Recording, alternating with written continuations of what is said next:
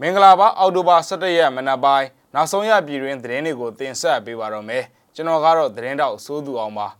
ကာကွယ်ရေးဝန်ကြီးဌာနကကြာဆုံးခဲ့ရတဲ့သူရဲကောင်းရဲဘော်တွေရဲ့ကိုရေးအချက်လက်တွေကိုကောက်ယူနေပါတယ်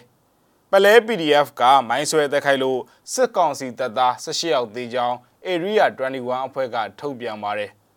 KNDF တရင်တစ်ကတပ်သားတွေကကြာဆုံးသွားတဲ့သူရဲကောင်းတွေကိုအလေးပြုတဲ့အခမ်းအနားတရက်ပြုလုပ်ခဲ့ကြပါတယ် သင်္ကန်းယွန်းပို့စ်သတင်းဌာနကအက်ဒီတာမထထနဲ့သတင်းတောက်ကိုဝေလင်းတို့ဖမ်းဆီးခံရပါတယ်။ချင်းတောင်တန်းပေါ်ကဒေါက်တာအင်းငိမ့်သူနဲ့အင်တာဗျူးကိုလည်းတင်ဆက်ပေးဖို့ရှိနေပါတယ်။စကိုင်းတိုင်းဒေသကြီးပလဲမျိုးနယ်ထဲမှာစစ်ကောင်စီတပ်ဖွဲ့ကိုပလဲ PDF ကမိုင်းဆွဲတက်ခိုက်ရာစစ်ကောင်စီဘက်က18ယောက်တေချောင်းသိရပါတယ်။ဆိုင်ကယ်3စီးကားအကြီးတစ်စီးနဲ့ချီတက်လာတဲ့စစ်ကောင်စီစစ်ကြောင်းကိုပလဲမြို့ကိုလောင်းပြန်ခွေ အနောက်ဘက်မှာအောက်တိုဘာ10ရက်နေ့မနက်ပိုင်းကမိုင်းခွဲတက်ခိုက်ရာစစ်ကောင်စီဘက်က6ယောက်သေခဲ့ပါတယ်။မနက်10:45မိနစ်ကလည်းပလဲမြို့နယ်တရက်ကန်လမ်းဝဲနာမှာရဲကားတစ်စီးကိုမိုင်းဆွဲတက်ခိုက်ရာ12ယောက်သေဆုံးခဲ့တယ်လို့ Area 21အဖွဲ့ကဖော်ပြထားပါတယ်။အသေးစိတ်အချက်အလက်တွေကိုတော့မြစည်းမကဆက်လက်စုံစမ်းနေတုန်းဖြစ်ပါတယ်ခင်ဗျာ။အမျိုးသားညီညွတ်ရေးအစိုးရကာကွယ်ရေးဝန်ကြီးဌာနက ကြာဆုံးခဲ့ရတဲ့သူရဲကောင်းရဲဘော်တွေရဲ့ကိုရေးအချက်လက်တွေကိုစည်ရင်းကောက်ယူနေပါတယ်။ကာကွယ်ရေးဝန်ကြီးဌာနကတိုက်ပွဲဝင်ကြာဆုံးသူရဲကောင်းတွေရဲ့ရဲရင်မှုကိုထာဝရအမတ်ရလေးစားဂုဏ်ယူနေကြောင်းလဲဆိုပါတယ်။ကာကွယ်ရေးဝန်ကြီးဌာနကခုခံသုံးလန်စစ်တွေအတွင်းရဲရင်စွာတိုက်ပွဲဝင်သွားကြတဲ့ကြာဆုံးသူရဲကောင်းတွေရဲ့ကိုရေးအချက်လက်တွေကိုကောက်ယူလိုတာကြောင့်ပါဝင်ဖြည့်ဆွတ်ပေးဖို့ကို UNG ရဲ့တရားဝင် Facebook စာမျက်နှာကတဆင့်ကောက်ခံနေတာလည်းဖြစ်ပါတယ်ခင်ဗျာတရားသောစစ်ပွဲဆင်နွှဲနေတဲ့ကချင်လွတ်လပ်ရေးတပ်မတော် KIA ပြည်သူ့ကာကွယ်ရေးတပ် PDF တွေဘေးရန်တွေရဲ့ကင်းရှင်းစေဖို့အောက်တိုဘာ10ရက်နေ့မှာဖားကန်ဒေသခံတွေကပရိတ်တရားတော်တွေရွတ်ဖတ်ပူဇော်ပြီးဆုတောင်းခဲ့ကြကြောင်းသိရပါတယ်။နေဦးတော်လန်ရေးမှာကြာဆုံးခဲ့ရတဲ့ဒီမိုကရေစီသူရဲကောင်းတွေကောင်းရဘုံကိုရောက်ရှိပြီးငြိမ်းချမ်းစေရန်နဲ့ မတရားဖမ်းဆီးခံရသူတွေအမြန်ဆုံးလွတ်မြောက်စေဖို့ကိုလည်းဆုတောင်းခဲ့ကြကြောင်းသိရပါတယ်။ဖားကန်ဒေသမှာဆေးရနာရှင်စန့်ကျင်ရေးစန္ဒပြပွဲတွေအတွင်းစစ်ကောင်စီတပ်ဖွဲ့ဝင်တွေရဲ့ပြစ်ခတ်မှုကြောင့်လူငယ်3ယောက်ကြာဆုံးခဲ့ရပြီးအပြစ်မဲ့ပြည်သူ34ယောက်ဟာလည်းဒီကနေ့အချိန်ထိဖမ်းဆီးခံရဆဲဖြစ်ပါတယ်ခင်ဗျာရန်ကုန်အခြေဆိုင်တင်ငန်းကျွန်း post သတင်းဌာနကအက်ဒီတာမထထက်နဲ့သတင်းတောက်ကိုဝေလင်းတို့ နှစ်ယောက်ကိုအကြံဖတ်စစ်ကောင်စီတပ်တွေကစက်တင်ဘာလဆန်းပိုင်းတွေကဖမ်းဆီးထားကြောင်း MPFID ကသတင်းထုတ်ပြန်ပါတယ်။ရန်ကုန်မြို့မှာစက်တင်ဘာ17ရက်ညပိုင်းကိုဝေလင်းနဲ့မထထက်တို့ကိုအကြံဖတ်စစ်ကောင်စီတပ်တွေကဖမ်းဆီးခဲ့တာလို့သိရပါတယ်။တင်ငန်းညွန့် post သတင်းဌာနရဲ့အက်ဒီတာသတင်းသမားမထထက်ဟာသမီးငယ်တူကြံရစ်ခဲ့ကြောင်းနဲ့ MBFID အနေနဲ့အက်ဒီတာမထထက်နဲ့သတင်းတောက်ကိုဝေလင်းတို့အပါအဝင် ဖမ်းဆီးခံရတဲ့သတင်းသမားတွေ journalist တွေကိုချွင်းချက်မရှိချက်ချင်းပြန်လွှတ်ပေးဖို့ကိုတောင်းဆိုခဲ့ပါတယ်။အလားတူပဲသတင်းလွတ်လပ်ခွင့်အပြည့်အဝအာမခံပေးဖို့နဲ့သတင်းမီဒီယာတွေအားလုံးကိုသတင်းလုပ်ငန်းတွေလွတ်လပ်စွာလုပ်ကိုင်ခွင့်ပေးဖို့စဉ်ဆက်မပြတ်တောင်းဆိုကြောင်းကိုလည်း MBFID ကထုတ်ပြန်တောင်းဆိုထားပါတယ်ခင်ဗျာ။ချင်းတောင်နန်းဘော်ကပရိုက်ဒါဆရာဝန်ဆိုပြီးတော့လူသိများတဲ့ဒေါက်တာအင်းငိမ့်သူနဲ့ပတ်သက်လို့ လူမှုကွန်ရက်စာမျက်နှာတွေမှာအပြောများနေတဲ့ဝေဖန်မှုတွေသူမရဲ့စေကူတာမှုဆိုင်ရာအသွေးအကြုံတွေနဲ့သူလောက်ကင်နေရတဲ့ကုညီထောက်ပံ့ရေးလုပ်ငန်းတွေအကြောင်းကိုမျက်စိမကဆက်တွယ်မေးမြန်းထားပါတယ် သူဆွဲနေရမှာအခုအခုပြောတဲ့ခါမှာနှစ်ပိုင်းရှိရပေါ့နော်နံပါတ်1ကအိမ်ဝယ်တယ်နံပါတ်2ကရှူဝယ်တယ်နံပါတ်1အိမ်ဝယ်ဆိုတဲ့နေရာမှာအိမ်ဝယ်တယ်လည်းမကောက်ကျွန်တော်တို့ပေါက်ထားတဲ့အိမ်ကိုပါပြန်ရွေးတယ်ပေါ့နော်အလူငွေနဲ့ပြန်ရွေးတယ်လို့ပြောကြတယ်အဲ့ဒါကတော့ကျွန်တော်လုံးဝညင်းရမယ်အိမ်ဝယ်တာလည်းကျွန်တော်မဝယ်ဘူးပြီးတော့အိမ်ပေါင်ထားတယ်လို့ပြောရအောင်ကလည်းကျွန်တော်မှအိမ်ပိုင်ရပိုင်မရှိဘူးဘာလို့လဲဆိုတော့အသက်25နှစ်လူငယ်တယောက်ပေါ့နော်ကျွန်တော်မှအိမ်ပိုင်ရပိုင်မရှိဘူးမိဘတွေပိုင်တဲ့အိမ်တော့ရှိတယ်မိဘတွေပိုင်တဲ့အိမ်တွေကတော့ အာကြွားတာတော့မဟုတ်ပေမဲ့များတယ်များတယ်ဒါပေမဲ့အိမ်ကရန်တွေကကျွန်တော်လက်ထဲမှာမဟုတ်ဘူးကျွန်တော်မိဘတွေရဲ့လက်ထဲမှာကျွန်တော်ပြည့်လက်ထဲမှာပြီးရင်နောက်တစ်ခုကကျွန်တော်တို့မိသားစုအကြောင်းသိရလို့ဆိုရင်သိပါလိမ့်မယ်ကျွန်တော်မိသားစုတွေကအရန်ကိုမိဘတွေကအရန်ကိုစီးစနစ်ကြီးတဲ့မိဘတွေပေါ့နော်မိဘတွေဆိုတော့သူတို့ကတော့အင်္ဂလန်ကိုကျွန်တော်လက်ထဲကိုယုံယုံကြည်ကြည်ခဲ့ပြီးမှာတော့မဟုတ်ဘူးအဲ့တော့ကကျတော့အိမ်ပေါင်နေဆိုတာကတော့လုံးဝမဖြစ်နိုင်ဘူးပေါ့နော်လုံးဝမဖြစ်နိုင်ဘူးနောက်ရွှေဝယ်တယ်ဆိုတာကတော့ပုံလင်းပြောရရင်ဝန်ခံရမယ်ဝယ်ခဲ့မိတယ်သူတို့ကိုကျိုးတက်တော့မဟုတ်ဘူး ဘာလို့လို့လဲဆိုတော့ကျွန်တော်တို့အဲ့ဒီရက်ပိုင်းတုန်းကပေါ့နော်အချိန်ကာလအပြည့်ပြောရင်6လပိုင်းပေါ့6လပိုင်းအစပိုင်းတော့ဖြစ်မယ်ထင်တယ်ကျွန်တော်တို့ဘဏ်အကောင့်တွေအလူခိုင်းတဲ့ဘဏ်အကောင့်တွေ freeze ခံရတယ်ညားလာတယ်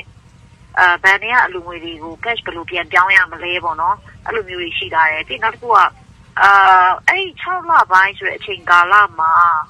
ကျွန်တော်မှာ PDF ပေါ့နော်ကာကွယ်ရေးတပ်ဖွဲ့တွေနဲ့အဆက်အသွယ်တိတ်မရှိခဲ့ဘူးဒါကကျွန်တော်ပုံမှန်လည်းပြောရပါဘာလို့လဲဆိုတော့ဟိုပါပေါ့နော်ကျွန်တော်က အခုအချိန်ကြမှာခါပြီးလူတိနားလာတဲ့လူတယောက်ပြီးအစိုးရအဖွဲ့ထဲမှာလည်းကျွန်တော်မပါဘူးနာမည်ကြီးပုဂ္ဂိုလ်ထဲမှာမပါဘူးပေါ့နော်မပါတော့ခါကျတော့ကျွန်တော်မှဒီလိုမျိုးလာအကူကြီးတောင်းတဲ့အဖွဲ့အစည်းရဲ့လူတိတ်များများစားမရှိခဲ့မရှိခဲ့ဘူးဆိုတော့ အဲမှာလာအကူကြီးတောင်းတဲ့အဖွဲ့အစည်းထဲမှာလည်းကျွန်တော်ကြည့်ရသေးတယ်ဒီဒီလူကယုံကြည်ရရဲ့လားသိချရရဲ့လားပြီးရင်ပေါ့နော်ဒီအဖွဲ့အစည်းကတော့တကယ်အားကိုးရတဲ့လူလားပေါ့နော်အဲ့လိုမျိုးကြီးကျွန်တော်ကြည့်ရသေးတယ်ဘာလို့လဲဆိုတော့ငွေလာဟတာအဆုံးရှုံးဖြစ်သွားမှာဆိုလို့ပေါ့နော်အဲ့တော့ခါကျတော့တကယ်စစ်မှန်တဲ့ပုံကူပဲကျွန်တော်ရွေးချယ်ပြီးပေးတယ်အဲ့ကာလာပေါ့လေကာလာပြီးနောက်တစ်ခုကကျွန်တော်ကလည်းသွားပြီးတော့ မဆက်သွယ်ဖြစ်ခဲ့ဘူးမဆက်သွယ်ဖြစ်ဆိုအဲ့လို Facebook ပေါ်မှာတော့တွေ့ရအာဘယ်အဖွဲ့တွေလိုအပ်နေပါညာအဖွဲ့တွေလိုအပ်နေပါတယ်တွေ့ရအဲ့ဒီမှာဘယ်လိုပြောမလဲအဲ့လိုတင်တဲ့လူဒီကျွန်တော်နဲ့ငကိုတွေကခင်မရင်းနှီးနေတဲ့လူကျွန်တော်ကအကြောင်းသိတဲ့လူရင်းနှီးနေဆိုတော့ကျွန်တော်ပေးလိုက်တယ်ဒါပေမဲ့မရင်းနှီးတဲ့လူဆိုရင်တော့ကျွန်တော်တစ်ချက်စုံစမ်းတယ်စုံစမ်းတယ်အာသူကသူတို့အဖွဲ့ကတကယ်ရောလှုပ်ရှားရဲ့လားအာတကယ်ရောမြေပြင်မှာအလုပ်လုပ်နေတဲ့အဖွဲ့လားအဲ့လိုမျိုးစုံစမ်းတယ်စုံစမ်းလို့သိရရင်တော့ဟုတ်တယ်ဆိုတော့ပြီးတယ် ဒါပေမဲ့တချို့အဲ့လိုမျိုးပေါ့နော် recommendation လေးတွေပြန်ကြားတယ်အဲမဟုတ်ဘူးသူတို့အဖွဲ့ line ပေါ်မှာပဲပုံလောက်လာလေးတင်တာတကယ်မလုပ်ဘူးပါညာဒါကကျွန်တော်ဆွတ်ဆွဲရမှာမဟုတ်ဘူးနော်ကျွန်တော်ပြန်ကြားရတဲ့ recommendation ကိုကျွန်တော်ပြပြအဲ့လိုဖွဲ့ဆိုတော့ကျွန်တော်မပေးဘူးအဲ့လိုမျိုးပေါ့နော်အဲ့ဒီကာလမှာ6လပိုင်းမှာဘဏ်အကောင့်တွေကလည်း free scan ရတယ်များတယ်အဲ cash လွှဲပြောင်းပေါ့နော် cash ထုတ်ရတာလည်းခက်တယ်ပြီးနောက်တစ်ခုကအစောကျွန်တော်ပြောသလိုကျွန်တော်မှာယုံကြည်ရတဲ့အဖွဲ့အစည်းရဲ့လို့တိတ်မရှိသေးဘူးဆိုတော့ခါကျအဲ့ဒီအချိန်မှာကျွန်တော်ဒီမှာအလူငွေရတော့ပို့နေခဲ့တယ် ယူသားဆိုပြောတာအလူငွေပို့နေခဲ့တယ်ပို့နေခဲ့တော့ခါကျတော့ကျွန်တော်အဲ့ဒီအချိန်မှာစဉ်းစားလိုက်တာကဘာလဲဆိုတော့ဒီငွေကိုဟိုပေါ့နော်ဒီငွေတွေကတချို့ဟိုဟာကိုနည်းနည်းဖယ်ထားပြီးတော့ post revolution ကြရင်ဒီမင်းတပ်ဒေတာပေါ့နော်မင်းတပ်သို့မဟုတ်ဘယ်လိုပြောမလဲဒီတော်လိုင်းကာလာထဲမှာထိခိုက်မှုအများဆုံးဖြစ်ခဲ့တဲ့နေနေတွေပေါ့နော်အဲ့ဒီနေရာတွေမှာပြန်လည်ထူထောင်ရေးလုပ်ပေးမယ်လို့ကျွန်တော်စဉ်းစားလိုက်တယ်။အာကျွန်တော်စိတ်ကူကသူများရဲ့နေရှင်တော့ဘယ်လိုပြောမလဲတော်တော်ကြီးဝေးရလို့ထင်တယ်။တချို့ကလည်းရွှေညံတော့ဆူရောက်တယ်လို့တော့ထင်ပါပဲ။ တချို့ကပြောရပေါ့နော်အဲ့လိုမျိုး post revolution ဆိုတာစဉ်းစားကြတာမလို့ဒီကာလပြီးမှမြန်မြန်ပြီးဖို့ပေါ့နော်အများဆုံးပြီးဖို့အရေးကြီးဆုံးပဲပေါ့နော်အဲ့လိုမျိုးစဉ်းစားတယ်ဒါပေမဲ့ကျွန်တော်ကကျတော့ဘယ်လိုလဲဒီကာလကြီးပြီးတော့ဥမာဆက်ခါဆက်ပြုတ်ချပြီးတော့ကျွန်တော်တို့တွေဘာဆက်လုပ်ကြမလဲဆိုတဲ့အနေအထားတွေရှိအောင်မှတယ်။ဒါပြင်နောက်တစ်ခုကပေါ့နော်သူတို့ပြောတဲ့အထက်မှာဘယ်လိုလဲနိုင်ငံခြားအကူအညီတွေလည်းဒီဒွိုင်းကာလပြီးသွားရင်ပြည်သူ့ဆိုရပြန်တက်လာရင်ပေါ့နော်ပြည်သူ့ဆိုရပြန်တက်လာရင်နိုင်ငံတကာကအတူတွေလည်းရလာမယ်နိုင်ငံတကာလည်းကူညီကြမယ်ပေါ့နော်ဒီလိုမျိုးပြောကြတယ်ကျွန်တော်ကတော့ဘယ်လိုပြောမလဲ ကိုအားကိုကိုရမယ်လို့ပဲထင်တာကျွန်တော်တို့ဒီကာလအရန်ကိုခက်ခဲပြီးအရန်ကိုဒုက္ခရောက်နေတဲ့အချိန်မှာတော့မှပြောမယ်ဆိုရင်ဟိုလောက်ကြီးခတိရောက်ရောက်ကူညီတဲ့ဘာလို့ပြောနိုင်ငံတကာအဖွဲ့အစည်းဆိုတာအရင်ကြီးမရှိဘူးလို့ကျွန်တော်ထင်တယ်အဲ့တော့ဟိုဒုက္ခတအားရောက်နေတဲ့အချိန်မှာတော့မှတိတ်ကူညီမဲ့လို့မရှိရင်ဒုက္ခတွေပြီးသွားတဲ့အချိန်ကိုယ့်ကိုပြန်ထူထောင်မဲ့အချိန်မှာရောရှိပါမလားပေါ့ဒီအဲ့လိုမျိုးတွေးလိုက်မိပြီးတော့အဲ့ဒီဒုက္ခပို့နေတဲ့ပတ်စံပေါ့နော် ပုံနေတဲ့ပတ်စံတွေတွေကအစိတ်ပိုင်းတချို့ရာခိုင်နှုန်းတချို့ပေါ့နော်20%လောက်ကိုကျွန်တော်ဖယ်ထားမိတယ်ဖယ်ထားမိရဆိုတော့ဒါကလည်းကျွန်တော်ရဲ့ကျွန်တော်တူတဲ့ရဲ့ဆန္ဒတော့မဟုတ်ဘူးကျွန်တော်တို့အလုံးငွေကောက်တဲ့အဖွဲ့ပေါ့နော် heal the ball အဖွဲ့ဆိုတာရှိတယ်အဲ့ heal the ball အဖွဲ့ admin တွေပေါ့ကျွန်တော်တိုင်ပင်တယ်ဒီလိုလုပ်ရမလားပေါ့နော်ဒီလိုလုပ်ရမလားဆိုသူတို့ကလည်းအေးပေါ့လုပ်ကြမယ်ပေါ့လုပ်ကြမယ်ဆိုတာနဲ့လုပ်ဖြစ်ကြရပေါ့နော်အဲ့မှာရွှေဝဲလိုက်တယ်ဒေါက်တာအင်းကြီးသူနဲ့အင်တာဗျူးအပြည့်စုံကိုမြစီမအတီဗီမှာထုတ်လွှင့်ပြသနေသလို မြစီမ New in Burmese ဆိုတဲ့ Facebook စာမျက်နှာမှာလည်းအပြည့်အစုံကိုတွားရောက်ကြည့်ရှုနိုင်ပါတယ်။ Australia ဝန်ကြီးချုပ် Sebastian Kurz ဟာအဂရိလိုက်စားမှုမကောင်းသတင်းတစ်ခုမှာပါဝင်ပတ်သက်နေခဲ့မှုအတွက်ယာရုကနေထွက်ဖို့ဖိအားပေးခံရပြီးတဲ့နောက်အခုအခါမှာ၎င်းဟာဝန်ကြီးချုပ်အဖြစ်ကနေဆင်းပေးမယ်ဆိုပြီးအောက်တိုဘာ9ရက်နေ့မှာထုတ်ဖော်ကြေညာခဲ့ပါတယ်။ရုပ်သံကနေထုတ်လွှင့်တဲ့မီဒီယာထုတ်ပြန်ချက်တစ်ခုမှာ Kurz က၎ င်းအနေနဲ့နိုင်ငံမှာဖေယိုဖရဲအခြေအနေတွေမဖြစ်အောင်တားဆီးနိုင်မဲ့အခြေအနေဖန်တီးပေးဖို့စံနာရှိတယ်လို့ပြောခဲ့ပါတယ်။ကျွန်တော်တို့တည်ငြိမ်မှုရှိဖို့လိုအပ်ပါတယ်လို့အသက်35နှစ်ရှိကွန်ဆာဗေးတစ်တယောက်ဖြစ်တဲ့ကတ်ကပြောပါတယ်။ EU အဖွဲ့ဝင်နိုင်ငံတစ်ခုဖြစ်တဲ့ဩစတြေးလျဟာကယောဂါကိုတိုက်ဖြတ်နေရချိန်နိုင်ငံမှာလာရီနယ်ကြားဖေယိုဖရဲအခြေအနေတစ်ခုအောက်ကြားရောက်စေခွင့်ပြုမယ်ဆိုရင်ဒါဟာတာဝန်မဲ့ရရောက်လိုက်မယ်လို့သူကပြောပါတယ်။၎ င်းဟာနိုင်ငံခြားရေးဝန်ကြီးအလက်ဇန်ဒါရှာလန်ဘတ်ကိုဝန်ကြီးချုပ်အသစ်ဖြစ်အဆိုပြုသွားမယ်လို့ကတ်ကပြောပါတယ်။တချိန်တည်းမှာတော့၎င်းဟာ၎င်းရဲ့ပြည်သူ့ပါတီခေါင်းဆောင်ပါလီမန်အမတ်တယောက်အနေနဲ့ဆက်ရှိနေမယ်လို့လည်းကတ်ကပြောပါတယ်။ဝန်ကြီးချုပ်ကတ်ဟာယာရူထမ်းဆောင်ဖို့အတွက်အရေးအချင်းတင့်တော်ပြည့်မီမှုမရှိတော့တာကြောင့်ပါတီအနေနဲ့တခြားဝန်ကြီးချုပ်တယောက်ကိုရွေးချယ်ဖို့အတွက်လက်ရှိဒုတိယဝန်ကြီးချုပ်လည်းဖြစ်တဲ့ Green Party ခေါင်းဆောင်လည်းဖြစ်တဲ့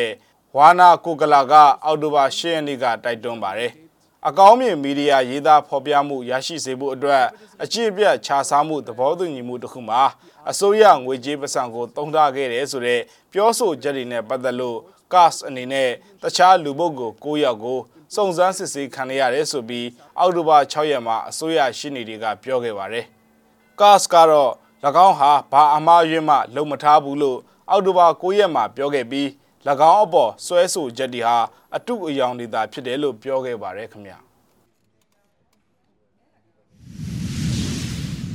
အောက်တိုဘာ10ရက်နေ့က KNDF BO1 တက်ခွဲသစ်တပ်သားတွေနဲ့ရွာသားတွေတွေ့ဆုံပြီးစစ်ရေးပြနဲ့ကြာဆုံးသွားတဲ့သူရဲကောင်းတွေကိုအလေးပြုတဲ့အခမ်းအနားတစ်ရပ်ကိုပြုလုပ်ခဲ့ကြပါတယ်။အဖွဲ့အနေနဲ့ကတော့ကဘာမကြေဘူးသရှင်ကိုတီးဆိုဟစ်ကြွေးခဲ့ကြပါတယ်။ ငါ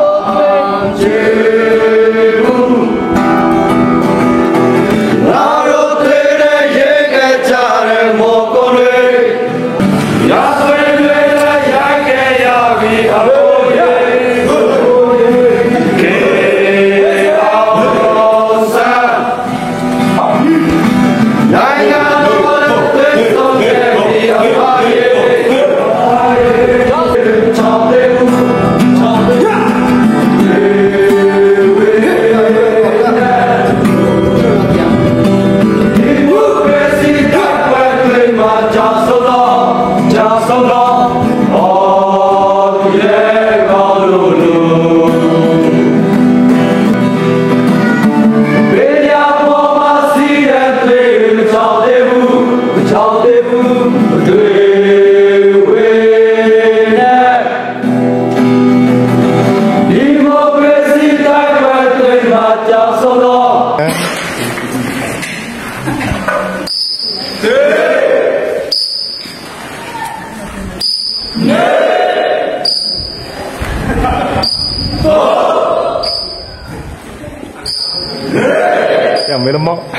ရည်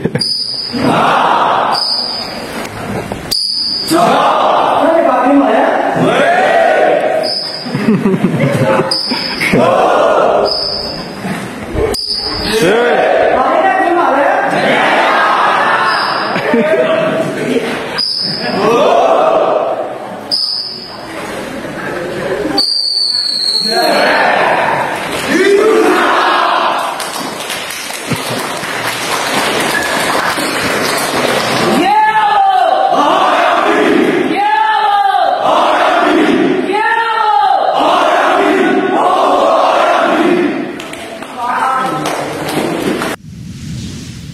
မရဲ့သတင်းအစီအစဉ်ကိုဒီမှာခဏရနာကြပါတယ်ကြည့်ရှုခဲ့တဲ့မိဘပြည်သူတူဦးချင်းကိုကျေးဇူးအထူးပဲတင်ရှိပါတယ်ကျွန်တော်တို့သတင်းနဲ့အတူတူပြန်ဆောင်ကြပါဦးမယ်